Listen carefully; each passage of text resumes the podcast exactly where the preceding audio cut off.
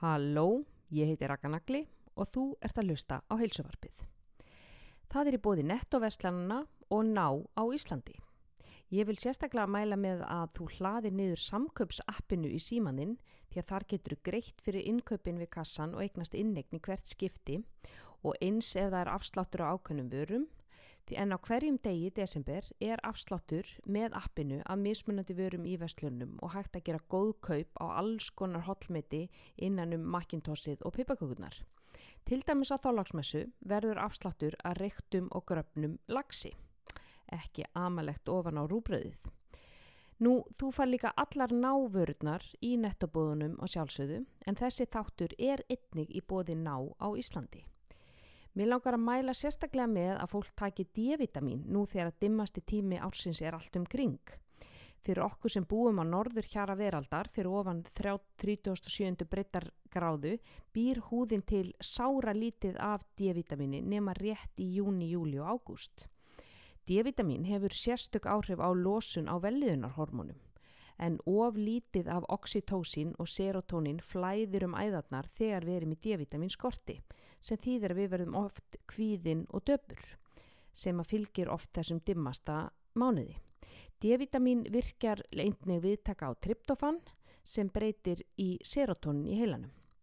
Nú, rannsóknir hafa sínt að D-vitamin dregur úr kvíðaeinkennum hjá fólki og flesta rannsóknir sína að um það byrj 4000 alþjóða einingar eða international units í nokkra daga næja til að hýfa einhvern úr skorti upp í ásættanlegt magn á nokkura eitruna áhrifa.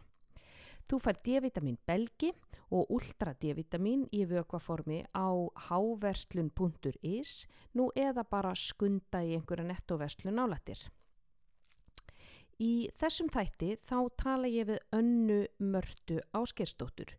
Hún er sannarlega ofur kona en hún er matarþjálfari, engaþjálfari, hóptímaþjálfari og ekki nómið það heldur hún einni framlegandi að góðgætinu frá Anna Marta en þar er hún með pesto og döðlumauk sem er svo unaðslega gott að ég geti löðra mig í því og slikta af. Þetta er 100% hreinvara án allra auka efna og fæst í öllum verslunum. Nú hún framleiðir líka dásemt sem er súkulaði og það er gjörsamlega eins og litli bitar af himnaríki. E, þetta súkulaði rennur allt óskert til styrtar ring sem er bánsinn á batnaspítala ringsins. E, hún hefur einni haldið námskeið, ævintýri bræðlögana þar sem hún eldar góðan og hotlan mat og kennir þáttakendum um heilbriða lífstíl. Í þessum þætti tölum við um allt myndi heima og geima hvað var þar eh, lífstíl, reyfingu, mataræði, þjálfun en einnig eh, opnar hún sig algjörlega upp á gátt um að lifa með sorginni sem fylgdi því að fæða dóttur sína hanna sól, andvana eftir að hafa greinst með gallstasa á meðgöngu og hvernig hún vill vekja aðtikli á því. Þetta er sannarlega áhrifaríkur og fróðlegur þáttur við alveg stórkostlega ofurkonu. Takk fyrir að hlusta á heilsuvarpið og hér er þátturinn, gjöru svo vel.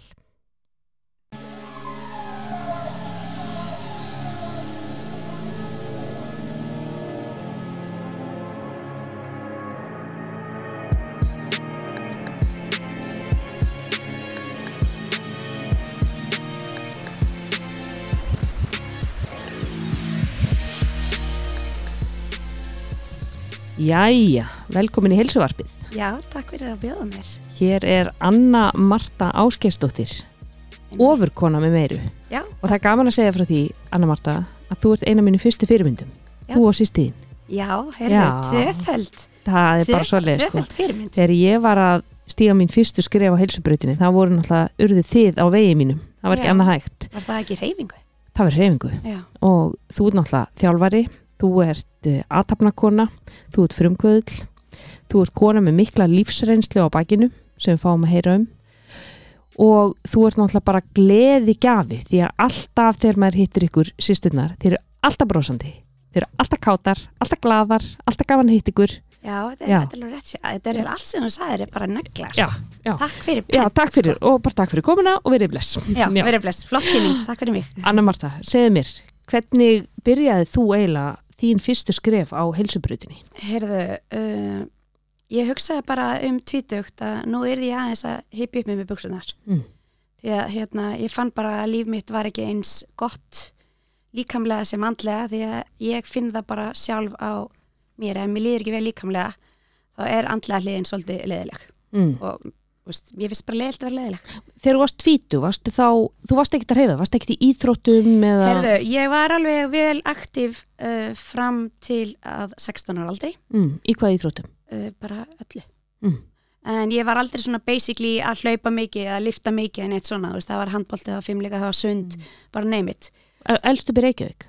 Uh, já, ég, ég er hérna úr bregðaldinu. Mm -hmm, mm -hmm. og hérna uh, kem af mjög aðtabla mikill í fjölskyldu Þið heldur betur, þið er nú Já. fiski hérna... við erum fiskifólki Já. og uh, mamma og pappi voru bara Áttu norðan fisk eða ekki rétt? Nei, Nei, fyrirtæki hétt toffiskur það er toppfiskur. hægt í dag Já, uh, fiskikongurinn, Kristján Berg, hann er bróður minn akkurat. og svo erum við hérna einingja týpurar, ég og Lofisa sýsti mín Mm og ég er nú þremu mínútum eldri en hún en það sést nú eiginlega ekki sko.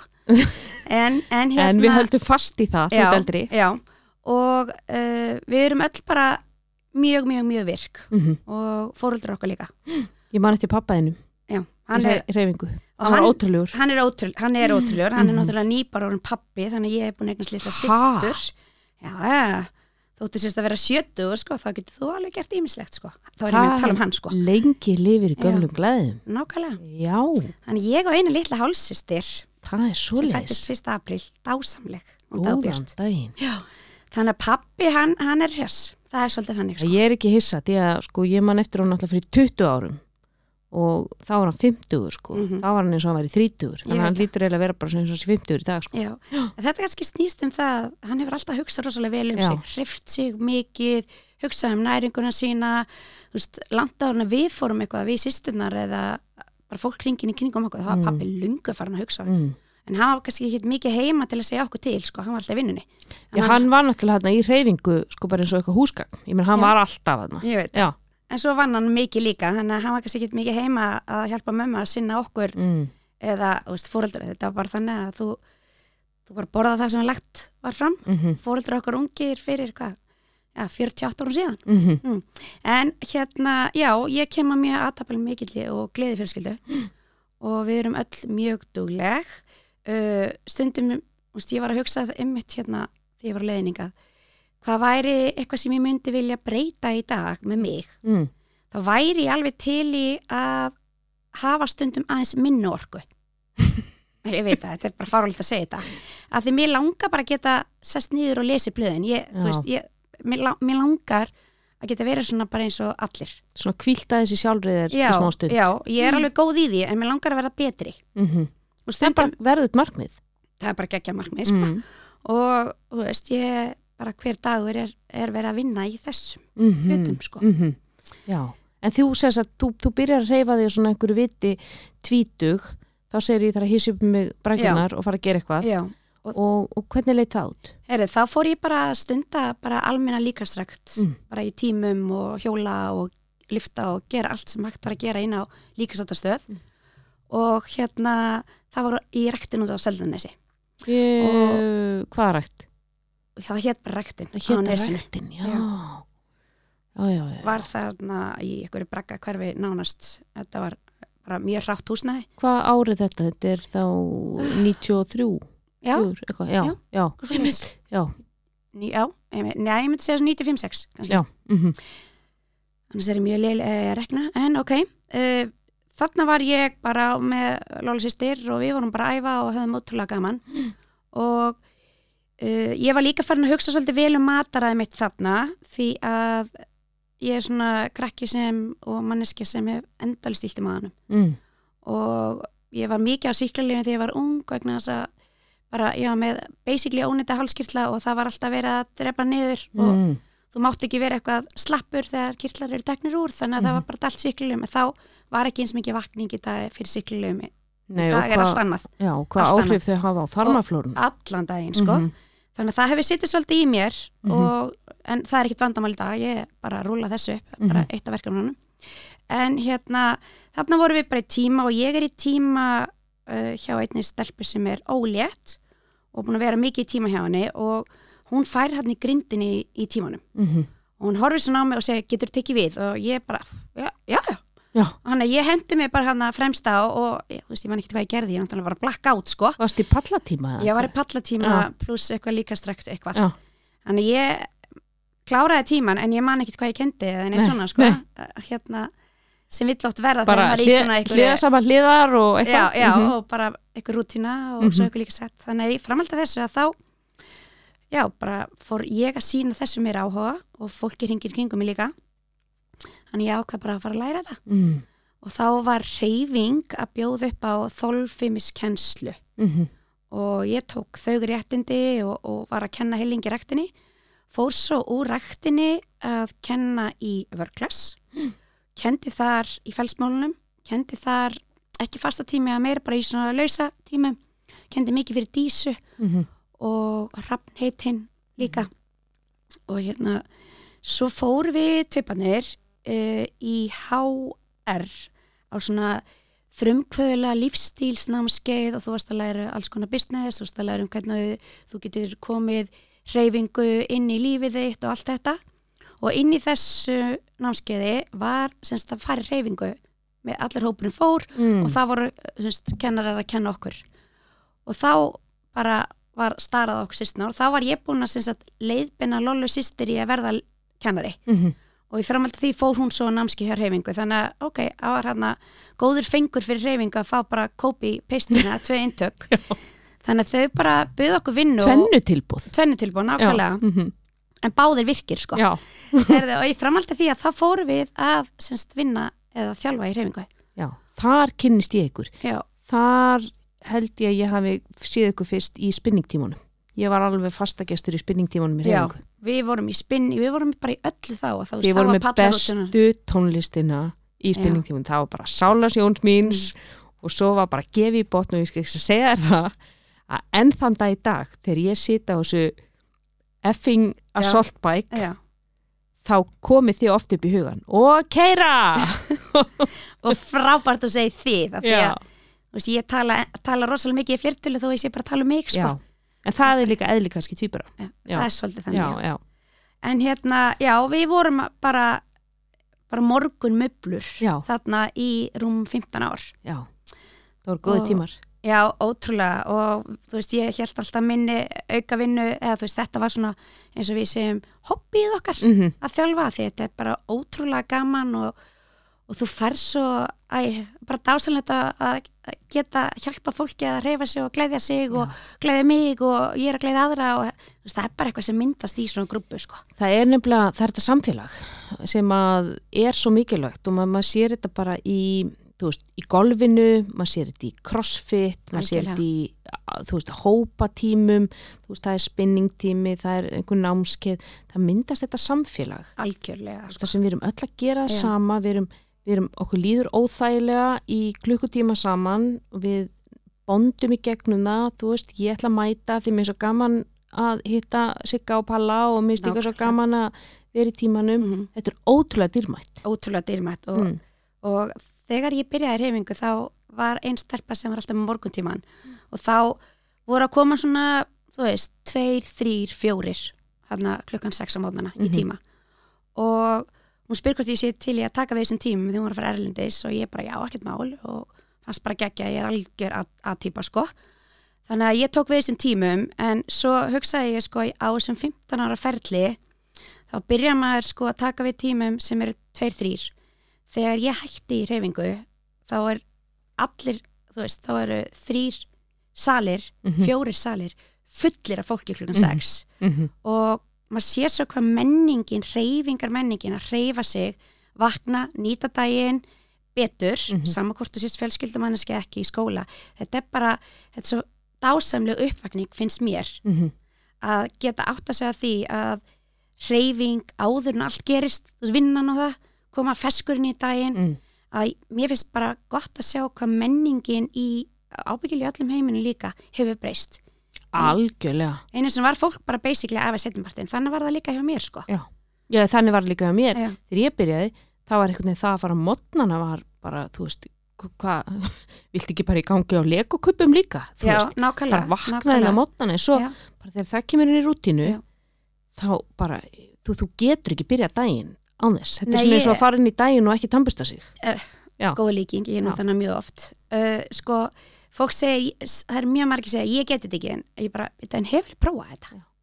þetta er smá þjáning í sjö daga maybe fimm Já. og þetta snýst bara um að fara fyrir að sofa hvað ertu að gera kvöldin Já, ekki horfa, horfa á sjónvarpið Já. í síman, þú veist, fólk er bara böð að gera eitthvað Mhm. sem mann ekki eins og eftir Nei. Og, þetta, og það er sko, það er alltaf leðilegt að vakna það er alveg sama hvenar þú ert að vakna. Það er alltaf leðilegt að vakna. Þessi, Hvort- veist, þetta eru svona þessar mínútur þú veist, þess að þú einhvern veginn stönglast fram á klósett, þú veist, þið langar að vera aðeins lengur í rúminu og þú veist, þú fer á klósetti og svo ertu bara komin í gang, skilja, þannig þetta er, þetta er svona einhver einu hálf mínúta sem þú ert bara svona, óh, óh, eitthvað aðeins að en, Já, ég, ég, ég er ekki alveg þarna sko.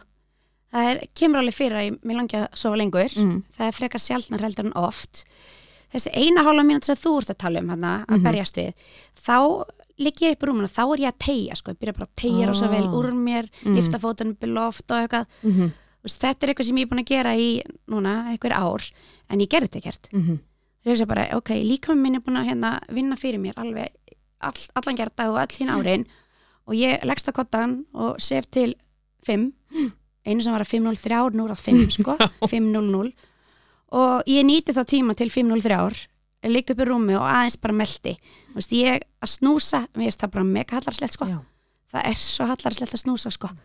Og eins og ég segi við fólk, menn okkur stillir ekki bara klukkuna frekar þegar þú ætlar að vakna í staðin fyrir að skemm, byrja að skemma söfniðin mm, ég vil klukkutíma áður en þú ætlaðir að vakna. Já að einmitt. því lang og svo reyn, byrja að vakna fyrr. Að ég því að bara- þú ert sko, þú ert vaknaður og þú ert rob, svona, þú ert með rofin svepp þennan klukkutíma sem þú ert að snúsa skilur, þú ert ekki að nei, þú ert ekki að fá neinn neinn almennilegan svepp sko þannig að ég segi að snúsa er ekki tísku og mun vonandi verð ekki að koma í tísku sko. Nei, en svo sérst, þú ert þarna í 15 ár í reyfingu mm -hmm. hvað gerir svo? herðu, svo bara hérna langar mér í tilbreytingu Já. og ég hérna færi mig yfir í vera klass Mm -hmm. og nú er ég búin að vera þar í fjögur ár og líkar bara mjög, mjög, mjög vel og er aðalega að þjálfa í smárlindinni Mm ég get alveg verið út um allt en ég er svona höfustöðu mín í smárlindin en svo hérna kom COVID. Blessa COVID. Lesa COVID og uh, COVID hefur gert rosalega, rosalega, rosalega mikið fyrir mig. Og þannig að ég var sem sagt þarna í byrjun COVID þegar flestir máttu vera enn að semst inn á stöðum eða hvað áðurna lokaði það voru einhver fyrirtæki sem lokuði svolítið á starfsfólki sem vildu bara að það yrði heima þarna strax eða allt byrjaði. Þannig að það voru nokkur sem voru námskeið hjá mér sem voru einmitt í þeim pakka, máttu ekki fara út. Þannig að þau spurðu mig sem voru námskeiðin bara hvort ég var ekki til í að henda inn bara tímanum á Facebook-grúpun okkar mm. live, Mm. ég var jú, jú, why not, Já, stilti símanum eitthvað upp á eitthvað uh, hérna kassa og svo bara voru þau heima í tímanum með mér og öllum hinnum sem máttu vera. Og þannig gekk þetta þangar til að loka þið og þá hugsaði ég bara, já, já, ok, þá fyrir ég bara heim og, og hjóla mína 30 km í COVID mm á hverjum degi eins og ég sett mér einhver mark með það. Þannig að framhald af því þá spurðu krakkandi bara er ekki lægi að þú haldi bara áfram? Og ég bara, jú, why not? Og það svo bara breytist út að ég væri með þessa þjálfun. Þannig að hópurinn stakkaði stakkaði og í dag er ég bara basically með þjálfun á netinu. Sem heitir online sem þjálfun. heitir bara online þjálfun. Já, fyrst var þetta Studio stakka Mm. mm. eitthvað, þannig að þetta heitir online þjálfun ég er sem ekki ennþá búin að finna eitthvað 100% nafna á þetta. Mm en þetta er þjálfun sem ég er bara með tíma á netinu. -hmm. Ég er með hann live fjóru sinum viku klukkan 7.15 Mm og við erum að vinna til rúmlega 8 og þú getur náttúrulega bara hort á tíman hvernig sem þér hendar. Minna sumir takan í hátteginu, sumir klukkan 9, sumir yfir meðandaginn, sumir á kvöldin. mm. Þannig ég við, sést, við oft fólk um að kommenta undir eða fólk er að senda mér skilabóð, ég tók tíman eða lækar eða eitthvað. Þannig að ég er svona halda utan um hópin og um helgar þá fer ég og, og tjekka mætinguna og tjekka á stöðuna á öllum hópnum, sendi öllum skilabóð og tjekka það. Fólki finnst væntum það. Ó, það, ég trúi því. Já, fá, svona, fá feedback, fá þetta utanumhald, fá þetta aðhald, fá einhvern sem að ég er ábyrg fyrir, algjörlega. Skiptir öllu máli. Já, og fyrir mig svo er ekkit endilega að þau eru í þjálfinu á mér og mín þjálfin er rosalega fjölbreytt. En þú veist, mér er líka bara dásælt þegar fólk tekur kannski bara tvisa með mér í viku en hleypi þrísvar eða þú veist, það sé bara með plan. Mm -hmm. og ég legg ofta upp um helgar við þau að setja sér eitthvað reyfingaplön um helgi, hvernig ætlar að hafa vikuna þína Mhm. og þú veist, maður fær oft að ég var svo busy, ég gæti ekki þetta ok, við hvað varstu busy? Mhm. skoða það, Mm -hmm. skoðaði 24 klukktum í sólhengum, hvað notar það í Mhm.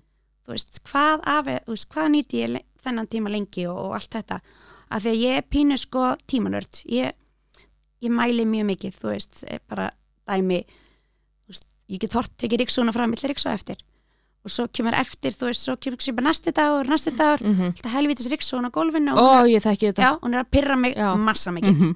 og svo bara, hei, tek tíma hvað er lengi ríksuna Það er svona Já, tvær, já, fimm mínútur. já, Mm. 5-7 Sjö, mínútur og ég er búin að eyða sko 24 tímum, sinnum þrýr sko í fucking röfl við Já. helvítis ríksu Já. skilur Ég, vá, ég þekki þetta. já, Ég tek hana fram og bara ætlar ekki svo. Ég, ég gera eftir, ég klára þetta hérna fyrst, sko. já. þess vegna er ég svolítið í að reyna tíma hérna setja Mm -hmm.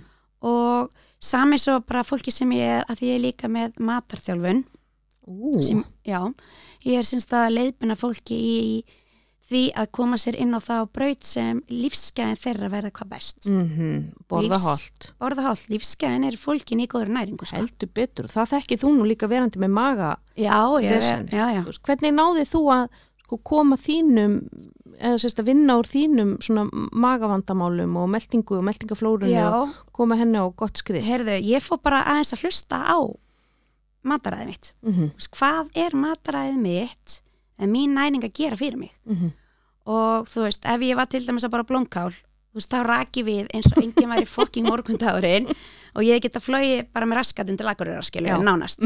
Bara, ka árbræðið. Já. kall, kalliðin var bara með súrumsgrími. Já, já, já, ég er, þú veist, maður er bara þannig gerður að maður bara hjælt í sér og maður Mhm. drefst í maðanum, sko og hérna, ég fór bara að skoða mér að hvað veldur, þú veist, að ég sé út þannig hvað veldur því að mér er illt í liðunum hvað veldur þess og hinu Mhm. og fór bara svona að kippa út hinu og þessu í mataræðinu, var mjög ströng við mig á tímabili að því að þetta snýst líka svolítið um að reyna að hreinsa út og finna svo, svo getur þú bara tekið inn hægt og rólega Mm -hmm. það sem þú finnur að hendar þér Mhm. og svo hérna fór ég að taka inn enzím, Já. meltingarenzím Já, hvað er ensím? ég byrjaði að dæstingin gold Mm. og tók þau alveg í dágóða stund og núna hef ég verið með frá ná Já. Þau eru- þá með digestive enzymes frá ná? Já. mér stu geggjuð Já. en maður þarf að veist, það má ekki hanga of lengi í Nei, þetta er sama með góðgerlana. Já. Þú ert líka að rótera þeim og Já. ekki vera á góðgerlum alltaf, alla daga ársins. Það þarf Já. að leifa flórunni aðeins að vinna sjálfur. ég er ekki, ég var í góðgerðlum að endalist aðstofsfílus og allt Mhm. þetta því að það var læknandi sögðu bara að það væri best sérstaklega úr hérna búin að vera mikið á síklinu og svo leiðis Mhm. en það var bara ekkit best fyrir mig Nei, maður þarf einmitt svolítið að finna það. Sko, eru góðgerlar fyrir mig og ef svo er, hvaða góðgerlar? Ég sé alltaf að fólk byrjaði bara á vægustu gerlu sem þú finnur. algjörlega Þú veist, bara find og, og bættu síðan við ekki byrja að fara upp í þessa 100 biljón sterkustu góðgerla. algjörlega mm Heldur bara, farðu bara í, þú veist, það er til ágæti sem heitir bara probiotic defense. -hmm. Það eru bara svona vægir, bara svona byrjanda barnagerlar, Mhm. þú veist, og svo bara getur þá bætt við, tekið smá pásu, þetta er endalist træland error, sko. algjörlega. Og líka sko það er svo skríti sko að fólk, þú veist, maður fættir lagnis og lagnis segir til dæmis er, segjum bara stúlkan sé ólétt. Og hann segir, heyrðu, ég myndi að auka við hérna meira ját og meira B12 Mm og s- bara eins og þegar ég er ræðið fólki mitt sem er í þjálfinu mér að þá spyrir þú veist hvaða vítamörk taka, ert á lifjum og allt þetta því að það getur verið alls konar aukaverkanar að þessu öllu. Og ég er engin lífjafræðingur en ég get samt speklað fullt. Og hérna þá heyrðis kannski, já ég er búin að vera B12 og býta okkur þetta B12 að læknir sagði mér að taka það og hvenær sagði þér að taka þetta? Æ, ef að fjör, það er fjör ár síðan og Já. ég var ólétt. Já, en er þetta enn ólétt? Nei, ok, heldur að þið vantið þetta? Það veit ég ekkert. Þú prófa að taka þetta út, þá þú getur fengið þetta bara gegnum mataræð mm. Veist, fólk er svo vant Mhm. að einhvern veginn að fá, veist, eitthvað er sagt og það bara, já, ok, Já, og svo, og svo er þetta bara svona. Og það getur líka verið hættulegt að sko taka einangrað steinefni í langan tíma án þess að hafa sko harmoneringuna á móti. Þannig að þú ert að taka sink í langan tíma eða þú ert að taka magnesium í langan tíma. Veist, það er stundi getur verið betra bara að fá þið nautastek skilju, þar sem þú fær já, ég B12, það. sink, magnesium Já, í mhm. því magni sem að nátt, móði náttúra vill að þú skilurðu. algjörlega, algjörlega veist, ég er ekki, ég er ekki að segja það er mjög gott getur verið til að bústa upp búskapin Já. að taka þetta í smá tíma Mhm, en prófa síðan að taka þetta út já, og Og- sjá hvernig þið líður bara að því við fórum að tala um hvernig ég hafi breytt mér og allt það ég fór bara að kippa út öllu sem var svona mikið unnið öllum pakkamat og allt þetta og ég lifi rosalega litríku mataræði. Mm, ég sé það veist, á myndunum hjá þér. og það er bara það sem minn líka með vill. Mm og þú veist, hvað er litrikt mataræði? það er bara, þú veist, grammiti fullt af grammiti, alls konar grammiti. Mm -hmm. uh, nautastek, kjúklingur. Mm þú veist, ég er ekki grammetisæt og margir halda ég sé grammetisæt eða vegan. Ég er, eh, þú veist, ég er hvort, ég er bara þetta allt. -hmm. uh, ég get ekki borða mikið af bönum, það er eina sem þú Mhm. veist, það bara basically hendar ekki mér þó ég myndi gjörn vilja borða meira af þeim, sko, Mhm. eða borða eitthvað af þeim en þú veist, ég er aldrei eitthvað að svelta, sko, Nei, en ég, ég þarf alveg að borða, sko það, það sem gerist þú borða mikið eða svona, mikið að hreitni vöru, það þarf að borða meira af henni já, ég veit að Þú veist. að fá upp hittæningarnar algjörlega mm -hmm. og þú veist, ég borða mjög mikið, Mhm. ég bara elska mat og hérna þannig að þú veist, ef ég fyrir út að borða þá er líkillin alltaf þú veist, segjum bara nautasteg eða ég fæ mér, við hjónin fáum okkur gildamis handfæsti pizza og ég fæ mér salat með auka prótingjafa þá, Mm. auka kjóklinga eða eitthvað svo leis Mm og svo erum við basically að, þú veist, ég fæ kannski eina, tvær pizzasneiða frá honum -hmm. og fullt af grammiti Mm og það er bara, þú veist, það er ekki kvöldmatur í okkur nema að sé bara grammit út á tún, sko. Ég man eftir því fór eins og búð með vinkonu minni og, og hún sagði, byrju þurfu ekki aðra körfi út, ekki komin í gegnum grammetistiltina og hún er orðin full. Já. ég veit að, ég kannast við það. Og ég, þú veist, ég hef ekkert ekki gert mig grein fyrir það, þú veist, eiginlega nánast megnið af innkaupunum hjá manni er bara úr grammetistiltinni mér finnst það líka svo frábært, sko, núna er komið í marga búðir þar sem þú lappar, þú veist, ég vil til dæmis eins og í nettobúðunum, þá í mörgum þeirra, þá, og, og þannig er þetta í Danmörku líka, þú lappa fyrst inn í grammetið það er svo dásamlegt sko þú veist, þannig að þú ert Já. bara að fara þú ert þarna út mótiveraður, út svangur ég ætla bara að kaupa rosa mikið hér svo sér þeim eitt karfan er að vera full og þá er minna pláss fyrir þú veist, keksið og, og ruslið sko. já, sko, bara það fólk sem er hjá mér í mataþjálfun og ég sjálf þú veist, ég elska að fara í búð og vera ógislega mótin með kærunum mína þú veist, af því að allt sem þú borðar og það sem þú fær með henn á heimili og það sem börnin þín borða er það sem þú kaupir mm og að lappinu búð og lappa svo út úr búðun og vera stoltur búðakerru eigandi mm þá er ég Mhm. meina vörunni sem er ofan í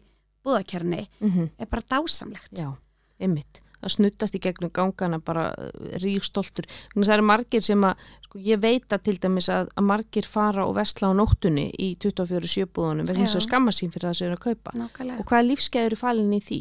Engin, Engin, nei. Það er svolítið þannig. Þannig að þú náði sérst inn í þarmaflóru á strik með því að bæta við meldingarensinum, með því að taka út, með því að setja Já, ég inn tók aftur. alveg út glútein á þessu tímabili, ég tók allan sigur og í dag sko og þú veist það sem ég veist, ég kreifa ekki nammi sko. Mm, og ef það kemur fyrir þá get ég nánast talið á annar hendi sko. Já.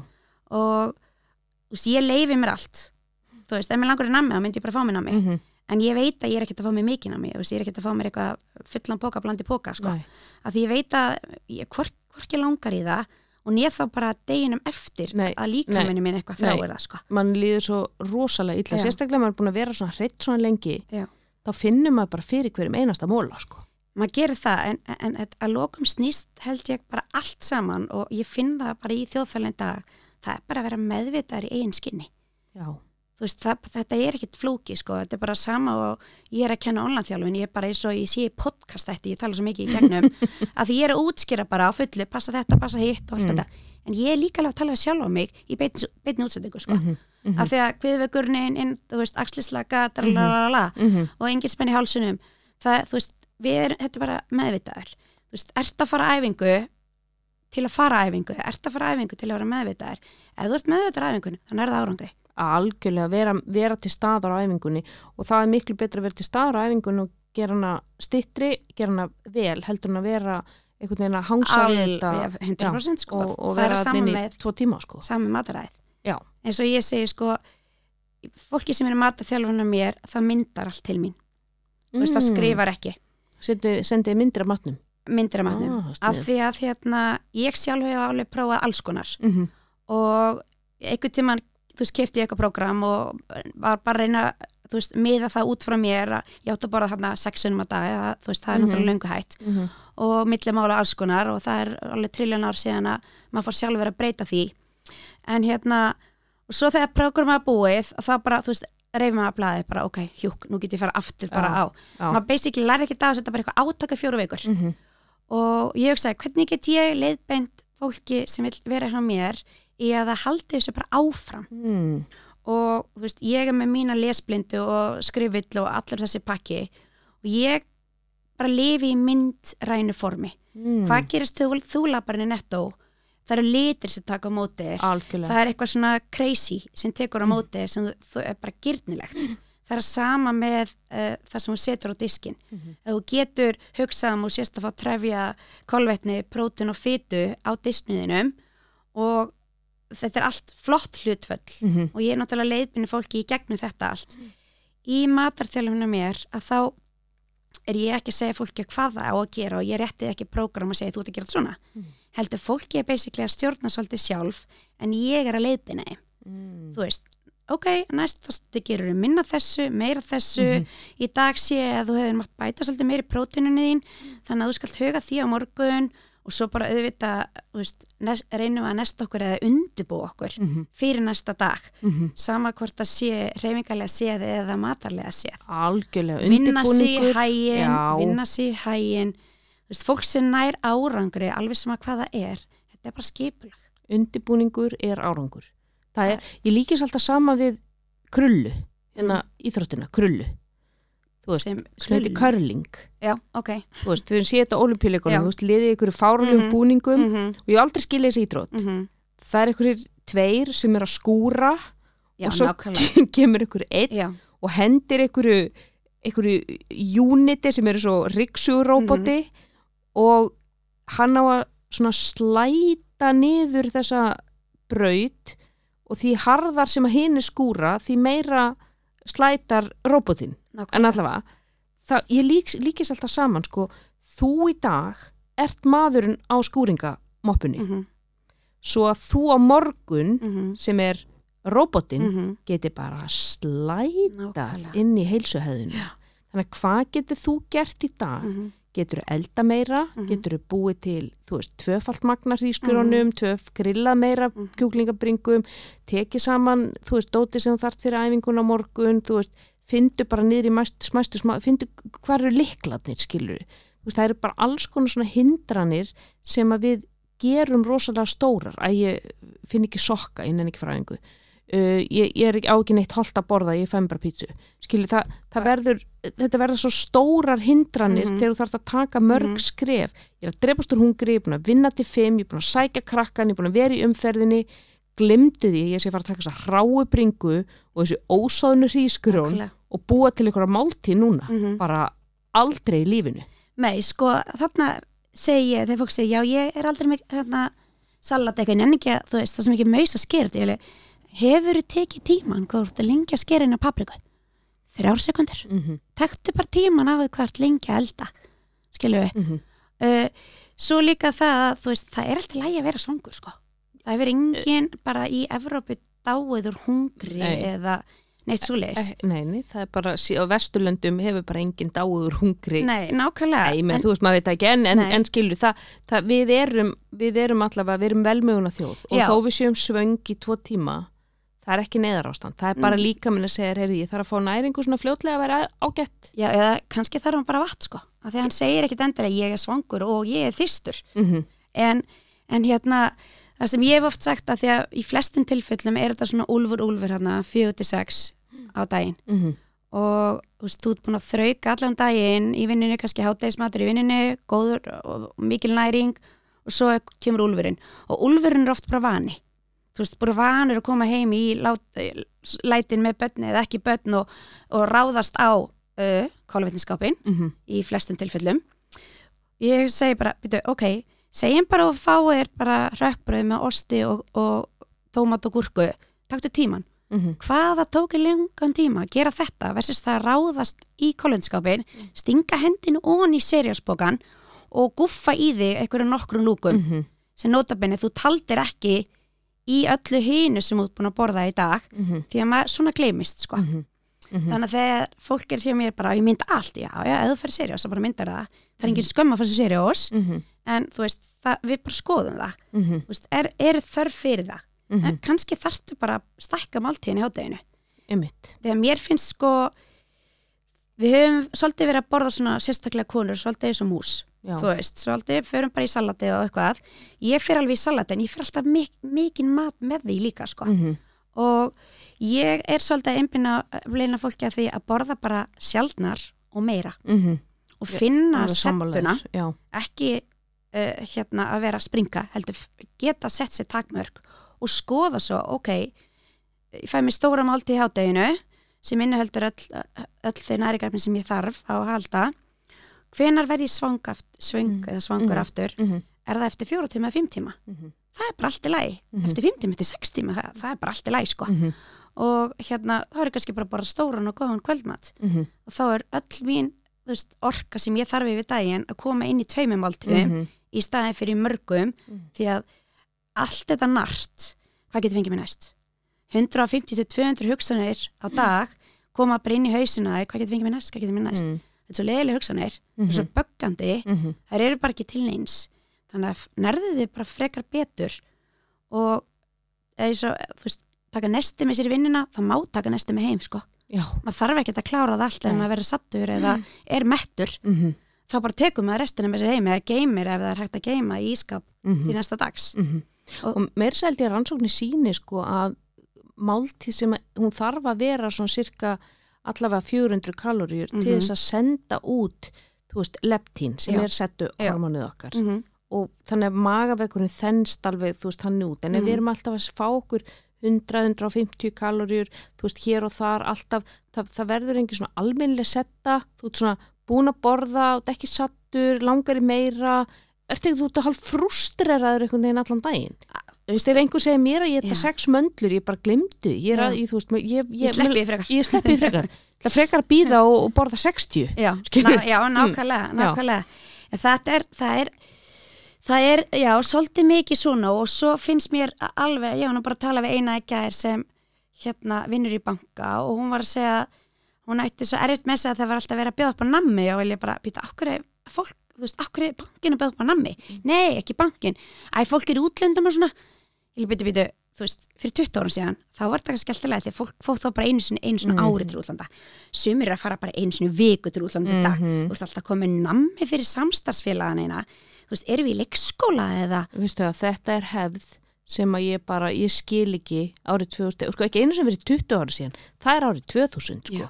Þú veist, ég hefði skilið þetta 1984 og varst að fara til Benidorm einu svona ári, Nákvæmlega. eða einu svona tveggjara fresti og þá kemur við í fríöfni þar sem að enginn er búin að fara í gegnum, minna núna, þú fær allt þetta nami út í öllum búðum, Og- allan sólarhingin, nákvæmlega og ekki nómið það, þú veist, að jafna útir til fríöfni eins og í bónu, sko. 100%, jafnvel ódýrara. Já, Þannig að það er, þetta er ekkit merkilegt Nei. að þú hefði lappað, hefði lappað í gegnum eitthvað hús Mhm. lengst út á tanga og reikjanistá Já.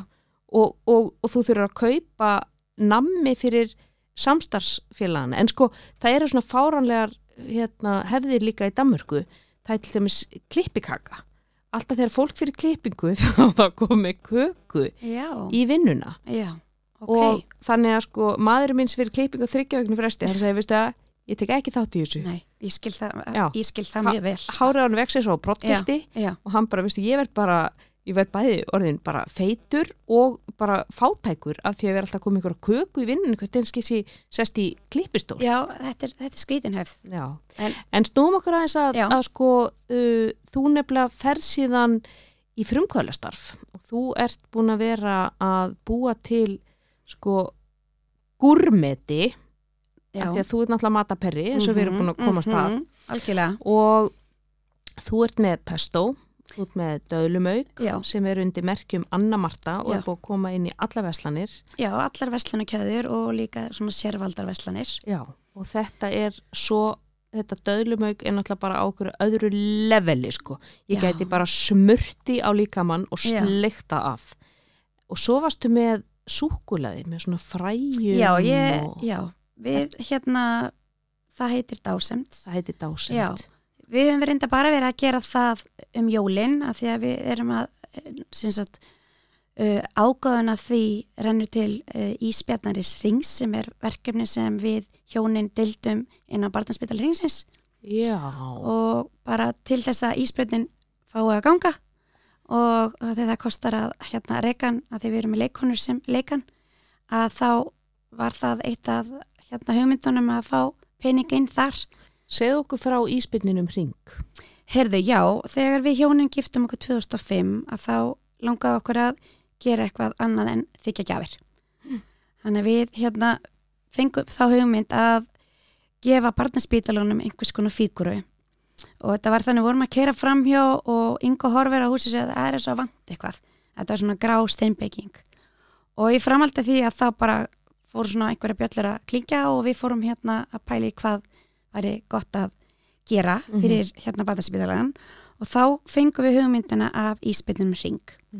Mjúkur, gaur, Mhm. hress og skemmtilegur og nú er hann búin að vera sem sagt, við giftum okkur og það sapnaðist bara peningur og við letum búa til búning Mhm. uh, hún heiti Mary, konan sem gerði þann búning, eða gerði fyrir búningin fyrir okkur og líka setni reyndar uh, og var að vinna hjá Latabæ og við tókum okkur alveg nánast ár í að hérna gera búningin þegar við vildum ekki að hann yrði svo æ, hérna Georg sem er hjá bankanum hérna Mm. fígura, þú veist Mhm. ef einhver ítir í hann, hann dettur á gólið það bara, hei, stoppa tökku, við þurfum að hjálpa Georgu Já. við vildum sko að ringur gæti komist í split og, og spíkat og Mm. gæti sem sagt spila á gítar og þegar hann tekur batni í fangið þá tek, tekur leikonan hann batnið alveg í fangið þannig að batni finnur líkama leikonunar, Mm. þú veist, það kemur þessi hít og þessi nærvera en ekki að batni sita hún á okkur svampumbu Nei, og þannig að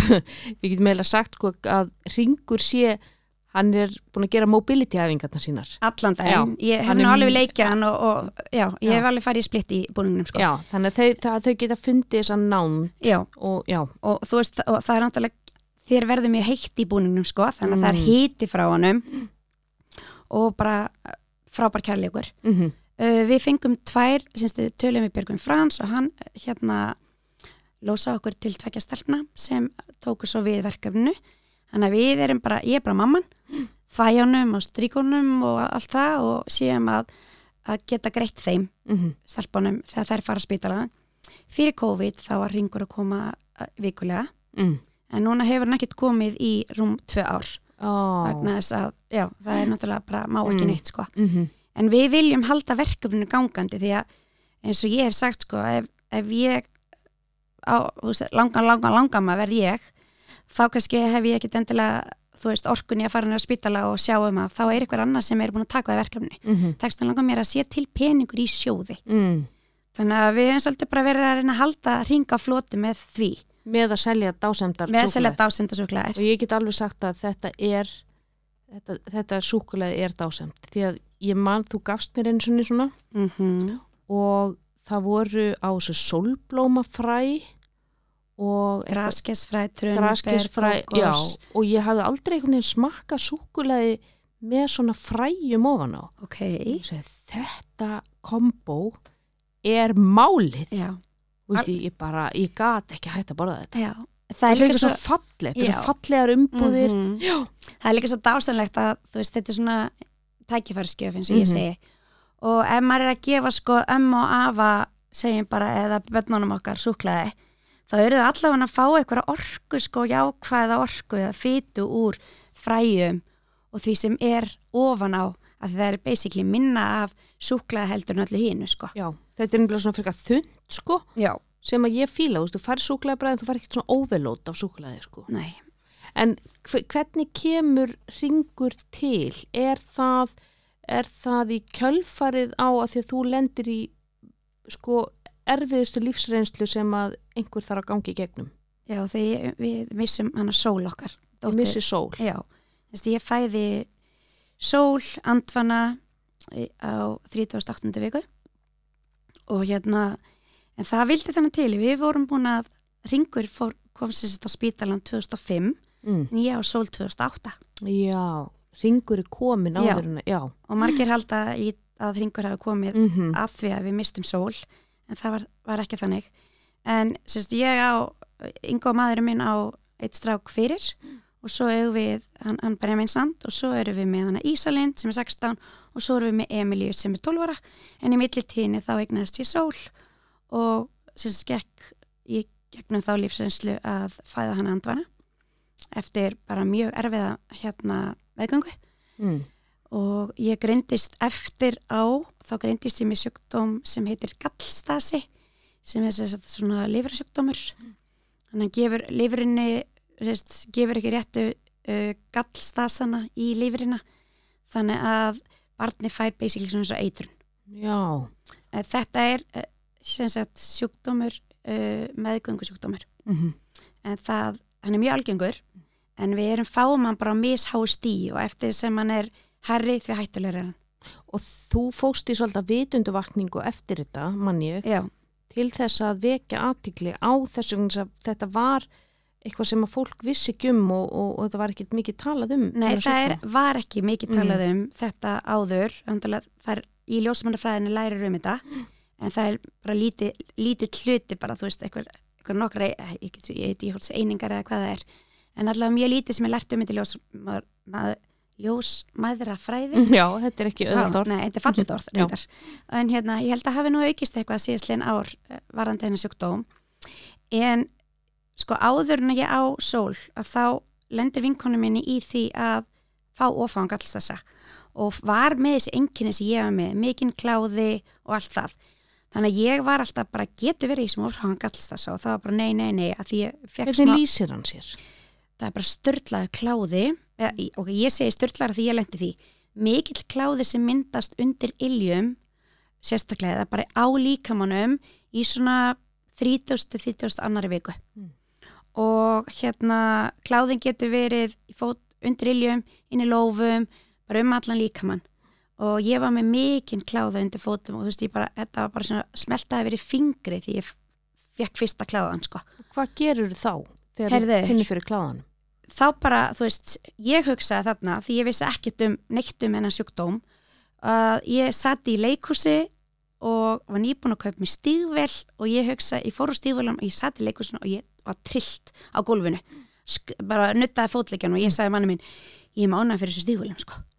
Ég, það var bara það, Það fyrsta, fyrsta, sko, já. alveg ljóskan en þetta vissi ég ekki þarna sko. Og við, ég fyrir stífulinu alltaf leið svo var, þú veist, kláðin mikill en þessi meðganga var bara mjög surrealist, þannig ég var að gangi gegnum alls konar já, þú veist, til ekki að langa sögur stutta þá var þetta bara erfitt. Mm. en hérna svo sem sagt, kemur vinkonu mín og ég var niður reyfingu og vinkonu mín kemur nýrtir og hún er ekki þessi aðtýpa og ég segi bara, býtu, hún er rólétt býtu, akkur þú komið nýrtir get ekki sofið mér sem ekki kláða. Þá var ég ekki byrjuð með hana gigatíska kláða sko. Og ég bara, já, ok. Svo bara uh, setna um kvöldi eitthvað daginn eftir þá var hún bara sett á stað. Vegna þess að þá greindist hjá henni of, of mikill gallstasi. En það kom bara í ljós vegna þess að mákonennar er uh, fæðingalæknir og hún fyrir eitthvað að þetta við hann og hún bara, já, ok, tjekkum á þessu og hún var bara sett í akut fæðingu Mm. þá fór svo, svo bara leiða og ég hérna uh, fæ kláðan og ég fyrir að segja manni, getur ekki, ég er ábyggjum og fann gallstasa eða eitthvað og var svona að pæla í þessu svo hérna veikist ég, semst, ég lendi því eða ég semst fer að stað í 37. viku fer inn á spítala í sótt fer í pottin að því ég ætlaði ekki í pottinum að því að Lola sýsti mín hafði átt stráki í janúar og þetta var í mars. Og ég ætlaði nú líka í pottinum sko. Þannig ég fyrir upp í dyr og búin að vera í pottinum í fjóra tíma að þá sagt er útvikun eins og allt það. Og ég var sagt búin að uh, bara hafa mjög litla, fylgjur þessi mjög lítil matalist og uh, svefnin er bara engin sko. Og náttúrulega kláðin og bara þið líður bara ekki vel, það er bara svo leis. Og þú veist ég hef búin að grennast um 6 kílu ásar meðgöngu. Og það, það var, ég enda leiti hræðilega út sko, mm bara hræðilega. Og það sem gæti þessi ger líka, hann gerir húðina eina gula. Oh. mismikið. mm -hmm. ég var skergul sko. Augunni mér voru gul. Nei. ég er enþá með gula lofa sko Já. sem eru bara öðru eftir þetta. En hérna þannig að ég við fyrir mig upp yfir en ljósmaðurinn sem var með mér þá hún segist bara vilja fá mig upp á bekkin tjekkar útvikunni og segir svo bara heyrðu þú ekkert að fara eiga. Þú fyrir bara heim. Og maðurinn minn segir bara nei, viðst, sko, ég er ekki að fara með henni heim. Og þú þurfa að gera eitthvað fyrir hann hún er, hún er ekki búin að sofa núna í sko, sex vikur. Þannig að ég hérna fæði eitthvað septemblur og nálastungur og kvíli með þarna fram með minnætti og frænka mér sem var útskóða sem ljósmára ljósmóðir á þessu tíðanbili hún ætlaði að taka móti. Og hinn sem var yfir henni segir að sagt, það sé bara best að ég sé að kvíla mig en frænka mér segir ég myndi vilja að kíktir á fyrri fæðingarsögur sem eru í Ísalinda því ég semst, fætti hana andvana líka en það, það hún deyr í fæðingunni mm. það var hægt að bjargina þannig að hún var bara tekin og upp á vöku sko. mm. og hérna þannig að hún segi vill ekki kíkja fyrir fæðingarsöga en það var aldrei vit þú veist, hjá Ísland var þannig að naflastrengur var vafinn um hálsin þess að það gerist þetta í Ísland mm. en hún bjargaðist. Og svo ljósmaður segir bara nei við þarf þess ekki neitt. Mm. hún er svo lítil, dóttir mér var svo lítil en ég, ég fæði bara lítil börn sko, það er bara sannað. Og ég sendt heim hérna bara eftir ég vaknaði eftir minnati vakna svo næsta dag uh, sárlasin. Bara með 40 stæði hýta uh, bara hóstandi bara onni mér og bara veik. Þannig ég ringi upp yfir og segja ég að vera aðnið í gær og ég sé bara ótrúlega lasin hvað sé be best fyrir mig að gera. Og á þessari meðgöngu var ég búin að vera að fara upp á spítala því að hérna mér fannst hún stundum vera svona eins og lött þannig ég fór í mónitor til að tjekka á henni sko. Og ég er beðin okkur með uppbyttir og að vera að tjekka á henni í mónitor, henni sól og þau myndi líka bara skoða mig aðeins. Ég fyrir uppbyttir og hérna þær láta mig hérna spýta eitthvað glas og greina mig svo með bronkitis. Mm. og ég maður há hann hitta og þær láta mig fá síklarleif en ég lætar vita að ég sem er ánum fyrir síklarleif þannig ég láti hann fá ykkur önnu leif og ónaminn mín að síklarlegum er kláði sko. Þannig að uh, ég var enþá bara með kláðarn sko, en ekkit svona, hann var mikill en hann er meira en eðlilegur.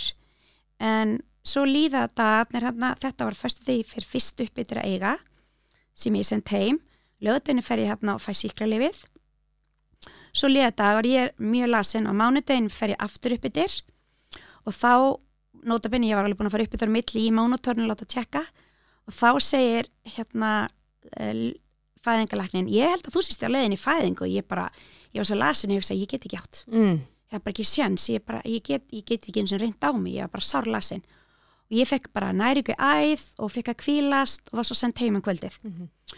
svo á þriði döginum þá er ég enþá slöp og miðgudöginum er ég bara orðin svona bara ekki alveg, ég haf mikið hýta þannig að hérna, ég er bara svona brattari.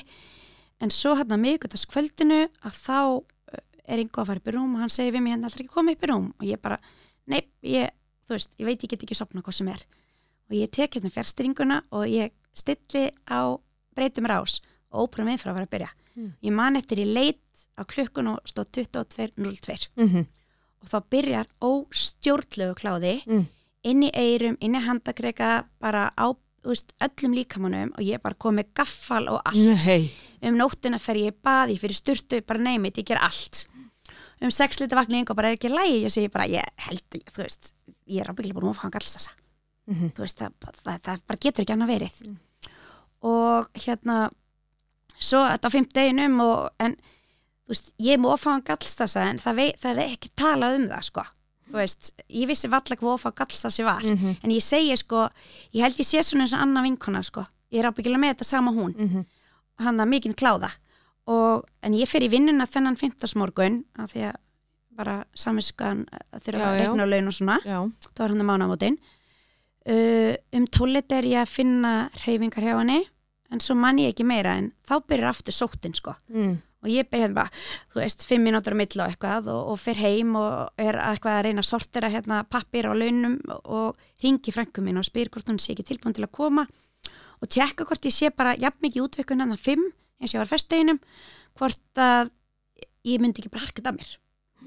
Og hún kemur heim og bara, já vinnan hérna, ég held að við eigum bara að fara bara dild og hérna hún tjekka fyrst á mér og sama útvikun og segir svona ég, þú lítur það ítla út að ég held að við skulum bara fara upp yfir Mm -hmm. og þetta er basically eina skipti sem Ingo er heima mm. hann er alltaf að fara með mér Mm. hún fer með mér upp yfir eða niður yfir og hérna þá sækir hún einn monitor sem er bara svona þráðlaus og einn annan og annan og alltaf eins og þetta sé bilað Mm. og svo er kallið ljósmaður sem svo sama og sendi mig heima hana. Mm -hmm. og í framaldi því er kallað á hérna fæðingaregnir og ég er sett upp á bekk og þá er bara úrsk, úrsköða að hún sé látin. Nei. Og þarna byrja bara svona ykkur ringrás Mm. og ég hérna er látin fara inn í reyðrið sem er svona stofa fyrir þá sem er að eiga. Og ég mátti ekki láta manni minn, ég, ég mátti ekki tilkjána með þetta. Þannig að þarna fer bara svona ringrás sem ég er bara hvernig get ég komið þessu þannig að veist, ég er ekki, þeir eru reynda að spurða hvort ég vildi fara heim og komið það bara morgun mm. en ég sagði bara ég er ekki að fara heim, ég er, veist, er, ég er með hríðar sko Mm -hmm. og ég vildi fá hérna keisara Mm -hmm. en hann Jens sem var hérna lagnin þarna á hvernig dildinni, hann rálaði mér ekki og ég er óbúslega þakklátt fyrir að hafa gengið í gegnum fæðingu með sól. Þannig að það fer svona stór ringrás í ganga að ég ringi í Ingo og segi bara að hann þurfa að gera sér reddi uh, að ég að að eiga og ég framaldi að ringi í mömmu og byrja mömmu að fara upp eitthvað til Ingo að því börnum voru heima. Og hún fyrir upp eitthvað og ég, þá, þú veist, ég var bara sultuslög sko. Af því að ég veit ekki hvað gerðist en ég tók eitthvað fór bara stjórn öllu en vildi ekki neitt myndi vita neitt. Já, Ekki svona bjargráð sem að þú ferði í. Já, ekki hræða neitt og láta neinu líði illa og nú að Mm. mér líði illa. Mm -hmm. uh, ég ringi svo í sýsti mína sem ætlaði að vera viðstödd fæðinguna og segi við hann að hún megi ekki vera þess að að þetta sé staðan að hérna, sól sé látin og ég vil ekki leggja það á hana. Og ég beði hann um að segja stjúppappa mínum þetta og hann fer þá til, heim til mömmu og segir henni frétna þetta. Var alveg bara keðja sko og Ingo kemur svo nýrtir og Jens tekur á móti honum og svo kemur Ingo inn á hreyðri til mín og við náttúrulega bara já, þú veist, fyrir mig er eins og ég þetta hafi gerst áðan sko og horfum bara á hvort ána bara, hvað gerist? mm. bara why? Mm -hmm. og svo fer bara alltaf rúla og ég er semst sett semst, það er ég fæ tvær mænistungur og þú veist það, það var bara allt einhvern veginn eins og áttu ekki að vera Mm -hmm. Og ég er alltaf bara, ég er með ofangallsasa ég er með ofangallsasa en fó, og eða þau þau er einstaklingar sem voru upp á spítala voru alltaf, nei þú ert líklega með ónami fyrir síklarleifanum, að það kláðin tengdist því. Mm -hmm. en ég sagði, ég er, ég, þú veist ég er alveg pottið sig alls þessi uh, ég svo á hann um nóttina eða rétt eftir tólf. Og það kom bara yfir mig ég bara, klukkan sjö fyrir máli verðum við að láta hana frá okkur. Mm.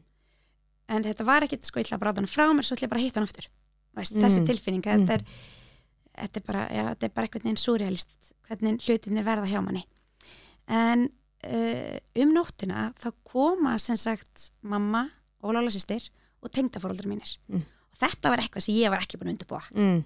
sem er svo dásamlegt og stórgóðslegt og eitthvað sem ég auðvitað vildi ekki tvara því mér var þetta ómikið lagt á þau en stundins við áttum er eina dýrmættustu stundum sem ég hef átt í lífinu.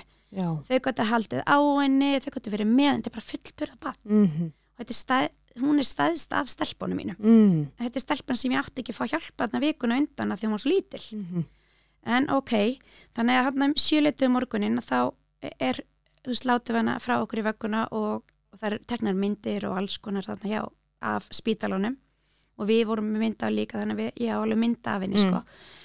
hún liggur í fanginum og ég sé hana bara blána mm, þú veist, verður alltaf bara blarra blarra og náttúrulega bara hún ísköld og allt það en Æ, það er svo erfitt að útskýra sko tilfinninguna ég get eh, ímynda mér að þú veist, þú getur ekki sett hann í orð Já, nei, það er eiginlega ekki að setja hann á orð nei. en ég let hana, að við látum hana frá okkur að því mér langaði svo að vera heima þegar krakkatum myndi vakna að því að þau náttúrulega pappin fyrir på spítala. Að mér langaði svo að vera heima og þú veist, ég var að koma heim með sýstu þeirra sko, mm -hmm. ég var ekki að koma heim bara einn sko, þeim plakkaði til að fá sýstu sína heim sko, þannig að hérna við komum heim og mér langaði að vera vakandi en ég, einhvern veginn, ég man ekki eftir að hafa komið heim, þú veist, ég ætla bara uppfulla okkur morfín og alls Mm. konar stöffi sem fekk upp frá, sko svo vakna ég bara hérna millir 10 og 11 og það er bara eins og ég sé eðumörk ég er svo þurr að það halva var nóg Mm. ég bara ég gat, þú veist, ég gat alltaf anda fyrir þurrki hálsi og ég tók vatn og ég bara drakk, ég hvað marga lítra vatni þá er það þannig að öllum töflunum sem er dalt í mann eina töflunum er þurrkutöflu til að þurrka Mm. brjóstumalkina sko. Mm. en þér er ekki sagt neitt. Mm. og ég, ég er ekkert að spurja þarna. Þú bara tekur þetta, þú bara Mhm. treystir. Já, já. Það er bara svolítið þannig og það, það sem ég lærði að þessu er að dýrmætt lærdumur er að þú þekktu líka maðurinn mm. vertu meðvitað um hvernig líður og talað um það. Og það er, þú hefur á tilfinningunum hvað er að. Talað um það, ekki segja bara alltaf já. Mm -hmm. ef lagnir segir eitthvað annað sem bara nei, veistu ekki, ég held Mm -hmm. sami bönnum að sem hefur tilfinningu maður veit að það er eitthvað að það, er bara eitthvað það er eitthvað sem gerist hjá manni og við höfum bara að tala meira um það Mhm. við erum bara ekki nógu opin, við látum þetta svolítið líf okkur í hendunar á lagnum sem er alltaf læg, að margir geta bjargað en við getum ábyggilega að bjarga meira með þegar við erum að tala meira um hvað er að okkur Mhm. sem er ofhugsalutina, jú, jú, það er alveg til líka en þarna upp á fæðingadeild var ég alltaf bara, ég má fá hann alltaf ég vil þetta ekki Mhm. test, Mhm. ég vil að þetta ekki test og það er alltaf hérna, nei, nei, þetta er bara síklefi, síklefi að því að sko þú þekkir líkamann þinn best og ég veit að sko margir eru farin á Dr. Google og, og finna Já, og, já, og já, greina sig með alls konar Alls, já, en þú veist að líkaminn þinn er að gefa þér eitthvað feedback sem að þú sko ert að hlusta á og að byggja þá um þetta að vera svolítið gaggrinn, mm Mhm. heyrði, má ég þá bara Mhm. byggja um kannski Mhm. annað álit Mhm. eða ég vil að þú tækir þetta test fyrir Mhm. mig og að því þá bara til þess að ganga úr skuggum það. Ég veit alveg að líkaminn minn er að segja mér eitthvað. Algjörlega. En þarna sko um kvöldið sérst, á föstudeginum þá ringja ljósmaðirnar í mig. Það eru tvær konur sem taka móti sko, sem eru búin að sérhafa sig í svona fæðingum.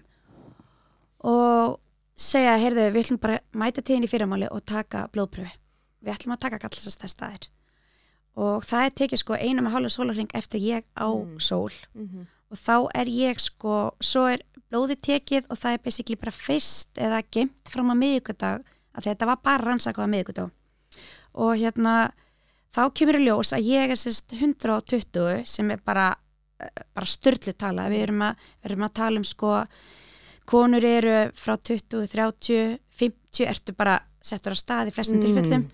Þannig að þannig er ég 120 samt búin að eiga.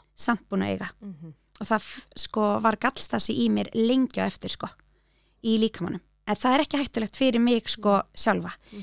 en það er svo skrítið að þú veist, þú eignast bann það fer frá þér og í þessu tilfelli þá var krupningastofan á Akureyri. Þannig að tilhugsunin hjá, þú veist, hugsunin mín var bara barnið mitt er að fara eitt í flug til Mhm. Mm -hmm. í kistu.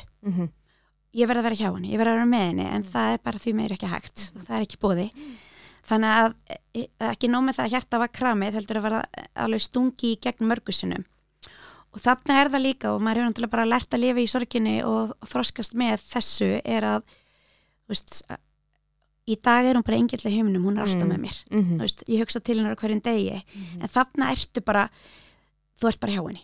Þú, veist, þú vilt bara hafa henni í fanginu þú, Mhm. þú, þú er bara í svona súrælisku ástandi. Það, þú veist, þetta er bara badnið þú vilt bara, þú vilt bara hafa henni hjá þér og hérna en á, við sérst gjörðum hana á fimmtudegi. Með ykkurtunum fæ ég í ljós að ég sé þarna með allt of háan gallsasa þarna einu með hálfa sólringa eftir ég á hana. En svo er morgunin á fymtudeginum þá er hún komin semst í flugi í bæinn og við erum að fara að gera þarna þá ringir krupningalæknirinn í mig og segir að sól sé bara fullkomlega heilbreykt og hann finnir bara ekkert að henni. Þannig að einhvað hafi gerst bara sem hann hefur Mm. mm. skýring á og ég segi já en, en það var að vera komið komi ljósa að ég var mófa á gallstasa Mhm. það bara já þaksuna er hún svona gul, allar himnurín eru gular Mm. og þarna er hugsað maður bara þetta er bara eitthvað í kerfin okkar að sé ekki tenging milli móður og barns Mm. í tölvukerfin okkar Mm. bara í kerfi hjá landsbytalun Mhm. Veist, þarna hefði læknir í krupningalænt að fara inn og skrifa skýslu um barnið mitt sé þá hvort það sé eitthvað að móðurinni Mhm. þarna var ekki neitt Nei. það var bara kennitala mín, Anna Marta kennitala mín og svo barnið mitt þú veist, ekki einu sinni með það bara, þú veist, Ingóls dóttir Og letið, börðust þið fyrir að breyta þessu? við gerðum það reyndar ekki við Nei. töluðum um það Já. en við berðustum fyrir því að gallstassin yrði rannsakaður oftar en einu sinni í mánuð, einu sinni viku Mhm. Og ég framaldi því að, að það fóru við að fund með landlægni en hérna við fengum kannski, þú veist, ef við byrjum að tala um að fara að fund með landlægni, það var alltaf bara yeah right, þú, komist ekki það fyrir þetta halvt ár, eitt ár Mhm. með honum en þarna kannski spilaði inn að við vorum búin að fara með ringin á spítalan Já. Já. þú veist, ég veit ekki hvort sé allt örlög eða hvað, en við sem sagt, uh, daginn sem eftir ég kem heim eftir ég á sól þá ringir ásker yfirleiknar á uh, mig og Ingo vegna að bara, hann vildi eiginlega bara tala um sorgina við okkur skilu, að þegar við erum svona misefnum stöðum í sorginu þetta var bara Mhm. besta, besta, besta samtal sem ég átt Mhm. við eitthvað að upplifa hvernig sorgin er hjá hverjum einum að þegar við hefum allan okkur, hver einn hefur sinn sorgaferil Mhm. En í framalda þessu vildum við líka skoða svolítið hvort að gallstasinn sé í kerfinu rannsakaður eitthvað sem var ekki mikið. Mm. Hvernig hann er í ljósmannarfræðinni. Það varð aukinn kjensla, það var búin til bæklingur, uh, þegar þú fyrst, semst, fer fyrst að hitta ljósmaður, það á hann að nefna þetta við þig. Uh, það, ég veit að það var gert í upphafi, það er vist ekki alveg þannig í dag. Mm. Það er einhverja sem tala um þetta. Uh, Þetta er sérst pröfunar eru tekna núna tvisar í viku og það á bara að vera meiri vakning um þetta. Mm. Við gengum í samfélag út af gallstassanum eh, sem er í Breitlandi en gallstassi er mjög algengur í Póland og Tíli Mm. en það er ekkert vitað af hverju hann er algengur, það er ekkert sem er samægilegt með Póland og Tíli. Hann vantar að rannsaka þetta betur. Það, það þarf að gera það sko og það er alveg verið að gera eitthvað síðast sem ég vissi uh, að það er verið að leggja meiri vinnu í þetta og þegar við fórum þarna og hittum spítalinn eftir þetta líka að það var, voru sem sagt uh, hvern sjúkdómaleknar og fæðingaleknar að setja meiri rannsóknir. Mm. hvort það hefði verið fleiri tilfelli á undan mér, hvort það væri að koma í veg fyrir, það er fleiri tilfelli eftir. Að því að þú veist vinkonu mín uh, á hérna ég á sóli mars, 20. mars hún á í júni, hún er komið að fá hann gallstassa og, og fer inn eittir og bara ég má fá, hún bara vissi það og hún var farin með henni gaffalinn á á Mm, sig sko, þá átt að senda henni heim og hún bara heyri vinnan, Anna Marta vinkonu mín átti þetta, þú veist, og hún var bara sett í gang uh, hún sagði ef ég hefði ekki lent í þessu Mm Anna Marta hefði ekki Mhm. lent í þessu þá hefði hún ábygglega bara verið senda heim dóttir sýsti minnar uh, hún er bara með að fá hann gallsast að var gangsett þannig að þetta er þegar ég gengi gegnum þetta þá var ekki tala um að þetta væri fjölskyldu sjúkdómur Mm. mm. í kvenleg að því að Lola sýstir fékk þetta ekki sko en í dag er það rannsakað þetta er Mm. í legg en hún er ekki fékk þetta ekki. Uh, ég fékk þetta með Emilíu sem ég átti hérna einu, einu ári og tveimur mánuðum eftir Já. Emilíu og ég var með ha- hana sem sagt, fekk alls að í sjöndu viku var ég komin á líf Mm. Mm veist, þannig að það var strax vakning með mig mm. uh, En Anna Marta, hvernig vinnum maður sig út úr svona sorg? Hvernig vinnum maður sig út úr svona áfalli já, sem að sko enginn á að þurfa að gangi gegnum? nei Því sko móði náttúra er, það er við eigum ekki orð í tungumálinu yfir fólk sem missi barnið sitt. Við eigum að vera munaðlaus, það er barn sem missi fóreldra sína algjörlega og þú getur verið ekkill Mhm. að þú missi makaðinn mm -hmm.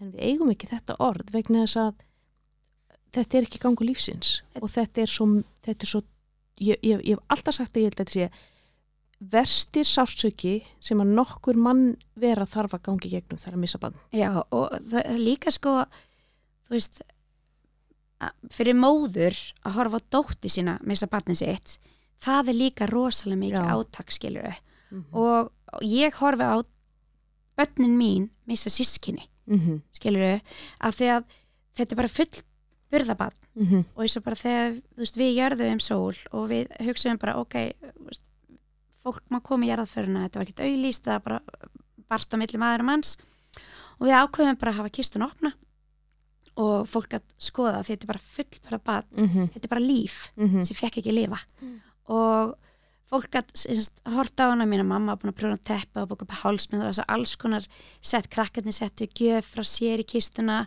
og svo var bara óbáslega fallega aðtöfni í Garðarkirkju, og í framhald af því að þá bara tók ég og Ingo lokið, við skrúum kistuna og Ingo hjálta kistun út í bíl við kerðum með kistunni í kirkjugarð þú veist, þetta er bara svona ferill veist, Hvað tekur svo við? Hvað tekur svo við þegar þú ert búin að jarða og hverstagurinn gengur í garð og þú ert búin að vera ófrísk og ég man nefnilega, ég hitti þig mm, og þú varst ófrísk, svo hitti ég þig og ég segi hvernig gengur með badnið? Og þá þarf þú að svara mér. Já.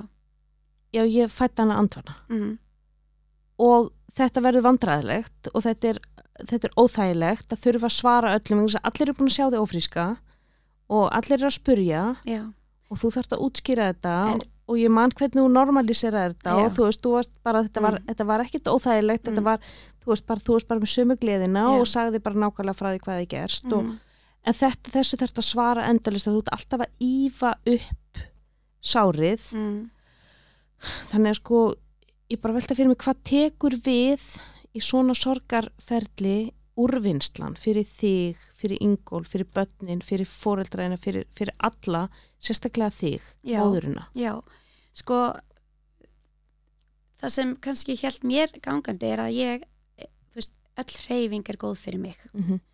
Uh, líkamlega sem andlega ég held áfram að hreyfa mig og ég man eftir í að ég mætti inn í hreyfingu cirka tveim vikum eftir að já hana og, og það var bara byttið, akkur er þú komin hér? mm. þú veist, og bara byttið, ertu ekki að gráta? þú veist, Mhm. ég er auðvitað búin að gráta úr mér augun miljónsinnum Mhm. en ég veit ekki hvað fólk ætlast einhvern veginn til með einstaklingan sem ganga í gegnum svona hluti en eins og þú segir þú hitti mig og ég er útskjör hlutina Mhm. e, þetta er erfiðara fyrir þig heldur en mig Já. af því að ég er alltaf að segja sömu hlutina Mhm. ég verð bara basically eins og bílur plata uh, sko eftir þetta eftir ég á sól þá nánast hekkin er kirkari Mhm. þú veist, ég satt bara steini og ég bara óskaði alls að hún kæti bara komið til mín Mhm. ég veit ekki veist, ég er ekki enn að skilja það í dag hvað gerðist fyrir mig af hverju ég fór þessa leið frekar en að fara í máli spítalan Mm. eða ógna því öllu Mhm.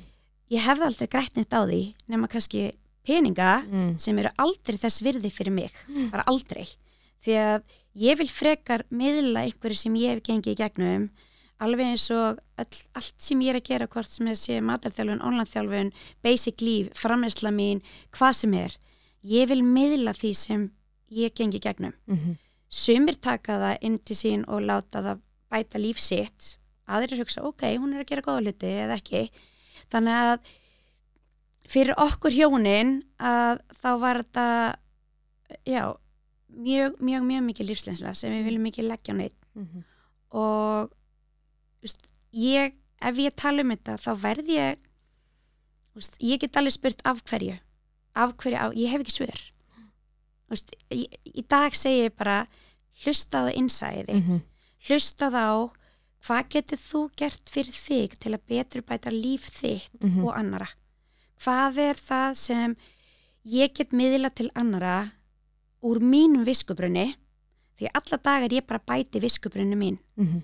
Fólk ræði þá hvað það tekur frá mér Mhm. í sinn viskubrunn að þú getur auðsið í yfir aðra og það sem að þú náttúrulega gerir er og það sem margir gera með sásökanum hvort sem það er gangi í gegnum kynferðisbrot, ofbeldi missi, sorg, skilnað, hvaða, hvaða áföll Mm. sem er, er að ok, hvaða, hvað, hvernig get ég fengið merkingu í þennan sásöka og það er rosalega oft að miðlunum áfram eða sko að nota mína reynslu til þess að hjálpa öðrum.